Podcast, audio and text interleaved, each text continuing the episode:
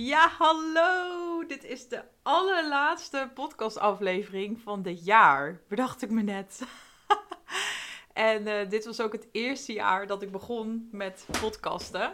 Dus dat vind ik ook wel bijzonder. Podcast nummer 47 alweer.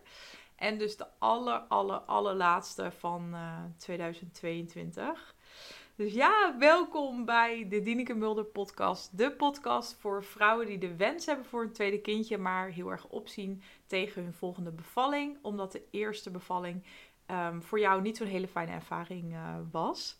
En um, ja, ik zei het net al, het is dus de aller, allerlaatste aflevering van 2022.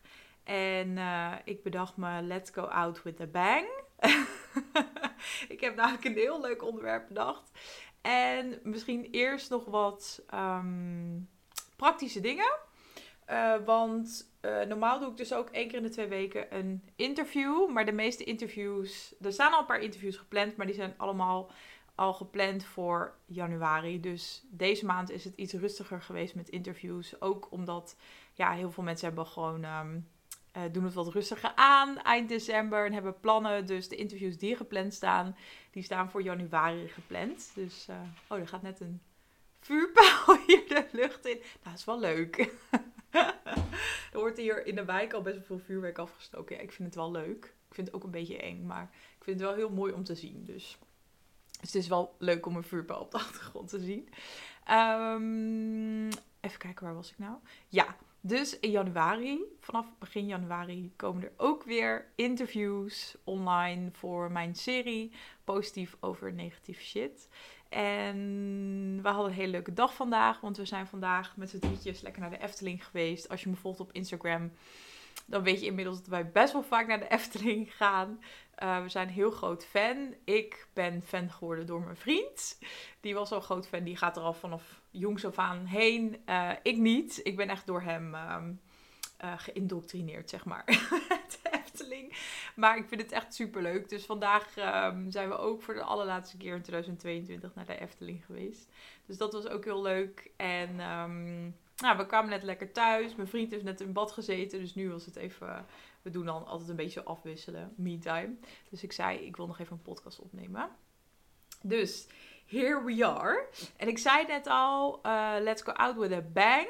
Ik denk dat ik een heel leuk onderwerp heb, want ik dacht vandaag aan wat is nou het allerslechtste advies wat ik heb gekregen um, ter voorbereiding op mijn bevalling toen ik destijds zwanger was. En, um, en daar heb ik een idee over. Uh, dus ik dacht, ik heb ook de titel van deze podcast wordt ook het slechtste goed bedoelde advies uh, wat ik heb gekregen. En, um, en ik vond het wel een grappige titel, want waarschijnlijk heb je dit ook zo ervaren. Maar als je zwanger bent en je gaat bevallen, dan krijg je gewoon super veel adviezen van mensen. Heel vaak ongevraagd. um, en ook uh, uiteraard goed bedoeld, met een positieve intentie. Uh, maar niet alle adviezen zijn voor jou of daar heb je wat aan. Of zijn soms gewoon ronduit, mm, ja, gewoon slecht. en er is echt één advies waar ik toen ik na mijn bevalling echt over dacht van... Waarom zeggen mensen dit tegen elkaar? Echt, why? Um, en wat ik dan interessant vind, want um, zoals je inmiddels weet, ik vind het niet interessant om maar te gaan roepen: iedereen moet dit of dat. Ik vind het meer interessant om te gaan kijken: wat doet het met jou? En uh, wat maakt dat? Dus daar gaan we ook naar kijken, natuurlijk in deze aflevering. Maar het advies is als volgt. Uh, toen ik ging um, bevallen, dus in mijn zwangerschap, um, toen was er nog niet zo heel veel informatie. Of nog niet zoveel informatie beschikbaar als dat er nu is. Want er was toen ook wel um, kennis. Ik heb ook boeken gelezen, maar ik denk dat er nu een hele nieuwe beweging, uh, nu al een paar jaar, nou een paar jaar, nou ja, Daniel is dus drie en een beetje. Maar toen ik zwanger was, toen waren ook nog niet de grote accounts bijvoorbeeld op Instagram.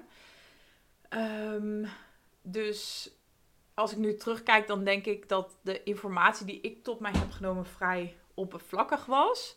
En ik was toen ook nog in, net, denk ik, in de periode zwanger. Ik heb het gevoel voor mijn gevoel. Misschien zit ik ook te erg in een bubbel inmiddels. Hoor. Dat kan natuurlijk ook. Maar dat toen ik zwanger was, was het nog niet heel erg, laten we zeggen, mainstream om een geboorteplan te schrijven. Terwijl dat nu steeds meer is. Volgens mij, hè, is mijn gevoel. Ehm, maar toen ik zwanger was, toen. toen ehm, ja, ik heb wel een geboorteplan geschreven, maar als ik er nu aan terugdenk, dan moet ik echt lachen. Want het, het was eigenlijk geen geboorteplan. Het was gewoon één A4'tje met whatever, drie wensen. Ehm, dus dat vind ik wel grappig achteraf gezien.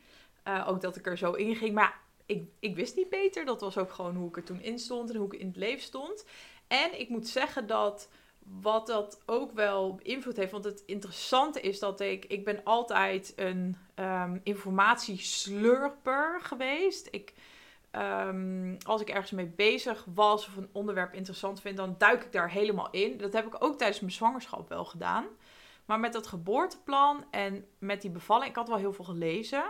Maar qua voorbereiding op die bevalling heb ik me heel erg laten beïnvloeden. Uh, achteraf. Maar daar wil ik dus ook over hebben van wat maakt dan dat ik me heb laten beïnvloeden. Maar ik denk dat ik me achteraf heel erg heb laten beïnvloeden doordat mensen ook tegen mij zeiden in mijn omgeving: een bevalling valt niet te plannen. Just go with the flow. Laat het los. Een geboorteplan heeft toch geen zin. Dat is echt wat ik constant hoorde. En achteraf vind ik dat echt, nou ja, echt het slechtste advies wat ik heb gekregen, achteraf gezien. Omdat ik nu denk um, dat, kijk, uiteindelijk hoe je bevalling verloopt tot op zekere hoogte dat weet je niet van tevoren. Je kan niet van tevoren weten of je baby in het vruchtwater poept, bijvoorbeeld. En mijn bevalling begon met gebroken vliezen. Ja, dat heb ik niet van tevoren kunnen voorspellen. Tenzij ze je vliezen natuurlijk breken. Maar mijn vliezen braken spontaan. Ja, dat is niet iets wat je van tevoren weet. Ehm, maar als ik erop terugkijk, had ik wel heel graag gewild dat ik meer kennis had gehad over het protocol, wat hoort bij gebroken vliezen en wat de risico's zijn. Want dan had ik, nou ja, met 100% zekerheid kan ik inmiddels zeggen, hele andere keuzes gemaakt. Dan was ik langer thuis gebleven bijvoorbeeld.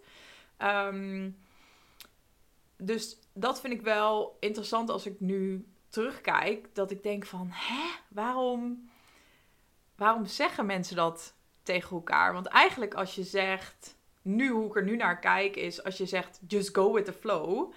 Uh, ja, tot op zekere hoogte weet je niet hoe je bevalling verloopt. Maar tot op zekere hoogte ook voor een heel groot gedeelte wel. En kan je het ook beïnvloeden zelfs.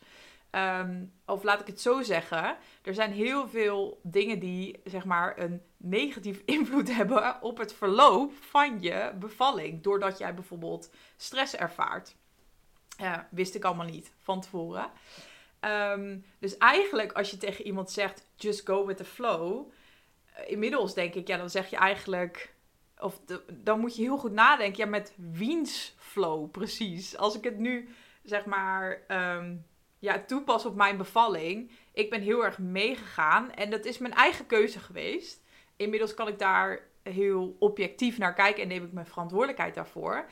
Maar wat ik heb gedaan is dat ik ben meegegaan in de flow van de zorgverleners die erbij waren. En dat was eerst mijn verloskundige toen ik nog thuis was, maar later de zorgverleners in het ziekenhuis.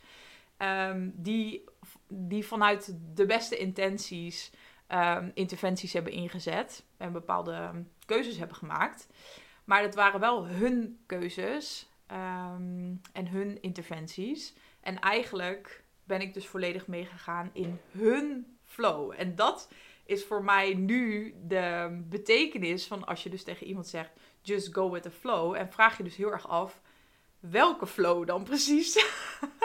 Waardoor ik ook nu denk: ja, dit is echt het slechtste advies wat je iemand kan geven. Want eigenlijk wat je doet. Soms denk ik wel eens: ja, het is een beetje alsof je iemand geblinddoekt. Een soort van dolhof instuurt. of zo. Ja, ik kan niet zo goed, niet zo goed omschrijven. Maar het is gewoon. Ehm, het is eigenlijk een heel naïef advies. Um, ik zag bij um, Lenne van. Moet ik even goed nadenken.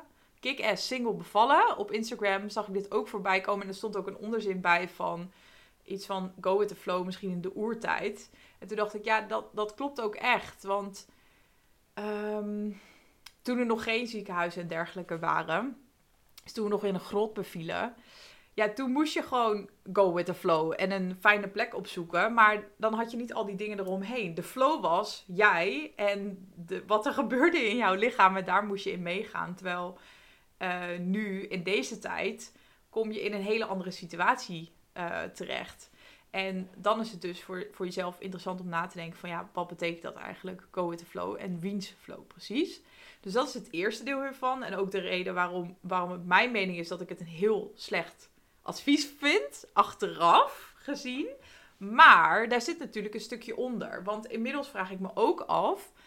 Waarom heb ik dit advies blijkbaar toen zo voor waarheid aangenomen en te harte genomen en heb ik me heel erg door, door laten beïnvloeden? Dat is uiteindelijk iets wat in mij zit. Dat kan, daar kan ik alleen, ik kan daar verantwoordelijkheid voor nemen. Um, en als jij dit herkent, dan is het dus ook interessant om dat bij jezelf um, ook eens na te gaan. Van wat maakt nou, um, in, in, ook in zijn algemeenheid. Um, wacht, ik zal eerst even op mezelf reflecteren. want dit advies is wel een van de redenen geweest waarom ik bijvoorbeeld me niet echt heb verdiept in welke keuzes ik had. En, of dat, dat, en dat ik een heel uitgebreid geboorteplan heb geschreven. Niet heb geschreven dus. Hè.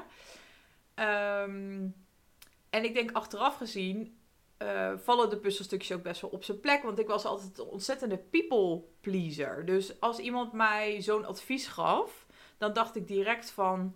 Oh ja, dat zal wel zo zijn en daar moet ik dan iets mee. Eh, of dan dacht ik, ja, ik kan iemand niet teleurstellen door nu te zeggen dat ik iets heel anders wil. Dus ik liep me ook, hoe ik toen in het leven stond, ik liep me ook heel erg leiden door wat andere mensen vonden, bijvoorbeeld van mijn keuzes. Dus dan, ik volgens mij heb ik ook letterlijk tegen mensen gezegd van ja, misschien moet ik wel een geboorteplan schrijven. En dan zei iemand direct, nee joh, nee, dan moet je gewoon, je moet gewoon loslaten. Je moet gewoon kijken hoe het loopt. Dat kan je toch niet plannen, weet je wel. Dan dacht ik direct, oh ja, nee, nee, tuurlijk. en, dan, en dan liet ik me eigenlijk, terwijl ik misschien diep van binnen wel voelde van, hmm, misschien wil ik hier toch, wil ik dit toch iets anders voorbereiden. Maar op het moment dat iemand daar een heel ander idee over had, een hele andere mening over had, dan was ik direct ehm, uit mijn doen, als het ware. Dan was ik direct weer uit balans gebracht. En dat vind ik nu, um, ja, vind ik heel leerzaam en heel interessant als ik daarop terug reflecteer. Dus dat is ook een, een vraag waar je zelf mee aan de slag kan. En dat is niet alleen met dit, uh, dit advies, maar denk ook eens terug aan je zwangerschap en misschien wel ook, ook misschien wel tijdens je bevalling. Hè? Maar ik denk dat het vooral in je zwangerschap dat je, dat je nog wat meer ook bewust uh, daarin bent. In dat soort gesprekken en zo. En ga ook eens na voor jezelf. Als je dit herkent, uh, dus dat je um, bijvoorbeeld bepaalde keuzes hebt gemaakt of een bepaalde visie had. En als je dus daarover met mensen in gesprek ging. En, daar de, en zij dachten daar heel anders over. Um, hoe voelde dat dan voor jou? Hoe reageerde je daarop? Ja, ik vond dat dus heel erg moeilijk. En daar, over dat stuk heb ik heel veel geleerd over mezelf. En doordat ik daar meer bewustzijn op kreeg, ben ik dus, dus na mijn bevalling, toen ik al die inzichten kreeg, ben ik daar veel meer mee gaan oefenen. Gewoon puur met hele kleine dingen om te gaan oefenen van, oké, hoe voelt het als ik iets uitspreek en ik weet dat een ander daar een hele andere mening over heeft. Of als mensen überhaupt um, dingen uitspreken die niet helemaal zeg maar, in lijn zijn met mijn visie of de keuze die ik heb gemaakt.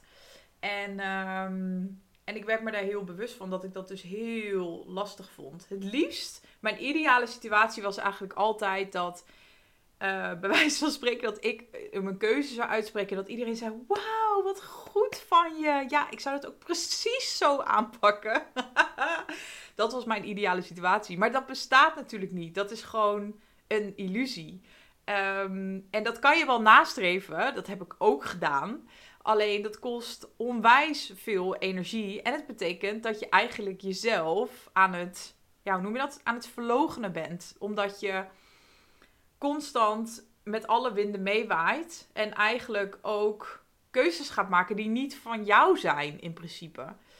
Um, en om daaruit te komen, dat is dus best wel een proces. Maar heel leerzaam, vond ik. Dus, uh, Dus dat wil ik je meegeven in deze allerlaatste aflevering van 2022. Ehm, om daar eens aan terug te denken hoe het voor jou was in je zwangerschap. Maar ook wel om, ehm, als je dit herkent, om misschien ook in het dagelijks leven is te gaan oefenen. Daar ben ik ook mee begonnen. Daar is het bij mij ook begonnen. En in het begin is dat echt super lastig en confronterend. Want ik merkte direct dat ik er buikpijn van, krijg, eh, van kreeg, zeg maar. Dat ik begon te zweten. Maar hoe vaker ik dat gewoon aanging, want daar gaat het eigenlijk over. Dat heb ik heel erg gemerkt. Dus dat als dat gevoel daar naar boven komt, dat je het niet wegdrukt, maar dat je het heel erg aangaat en dat je het maar gewoon gaat ervaren. Maar uiteindelijk wel dus voor je keuzes um, blijft staan. Ehm, en dan word je gewoon, je gaat veel meer voelen van, oh ja, dit is wat ik echt wil. En dit is eigenlijk wat een ander meer wil, maar wat uiteindelijk niet mijn keuze of mijn visie zou zijn. En, um, en dat is heel fijn, want dat kost veel minder energie. Het voelt echt veel beter als je, ehm, ja, als je gewoon je op je eigen, uh, hoe zeg je dat, op je eigen pad kan blijven, als het ware. Oké, misschien ben ik nu een beetje afgedwaald van het, van het topic, maar um, ja, dat is wat ik je wilde meegeven. Deze laatste aflevering. En um, ik wens je een hele fijne jaarwisseling en tot in het nieuwe jaar ook wil ik je vragen. Als je met veel plezier naar mijn podcast hebt geluisterd dit jaar en je hebt nog geen review achtergelaten, zou je dat dan alsjeblieft willen doen? Super makkelijk, simpel en snel. Uh, via Spotify kan je gewoon in, op de hoofdpagina zeg maar, van mijn podcast gewoon die vijf sterretjes aantikken. En volgens mij via Apple Podcast moet je helemaal naar beneden scrollen. En het is echt twee seconden werk. En je helpt mij heel erg om mijn uh, podcast beter of ja, meer zichtbaar te maken voor, um, voor andere vrouwen. Uh, en het is gewoon heel tof om te zien als, uh, als mensen mijn podcast waarderen. Ik maak ze met heel veel liefde. En um, ook wil ik even zeggen dat ik ben dus met gratis pilot trajecten begonnen, coachingstrajecten. In dat traject help ik je om met veel minder angst, dus gewoon los te komen van je angst. En met meer vertrouwen uit te kijken naar een tweede kindje en een tweede bevalling. Um, en dat vind ik fantastisch om te doen. En ik heb ook nog steeds ruimte in het nieuwe jaar. Um, voor, om dus nieuwe trajecten te starten. Dus mocht je dat leuk vinden om dat samen eens te ontdekken, um, stuur me dan even een berichtje. Of via Instagram een DM. Of plan even een gratis gesprek met mij in. Ik ben super eerlijk, dus als ik denk dat ik je niet kan helpen, dan ga ik dat ook zeggen. En zo ja, dan ga ik dat ook vertellen natuurlijk. Maar zie het gewoon als een kennismaking, een heel open gesprek. Um, waarin we gewoon, um, waarin ik jou zeg maar leer kennen. En ga kijken of ik jou um, kan helpen. Dus let's see.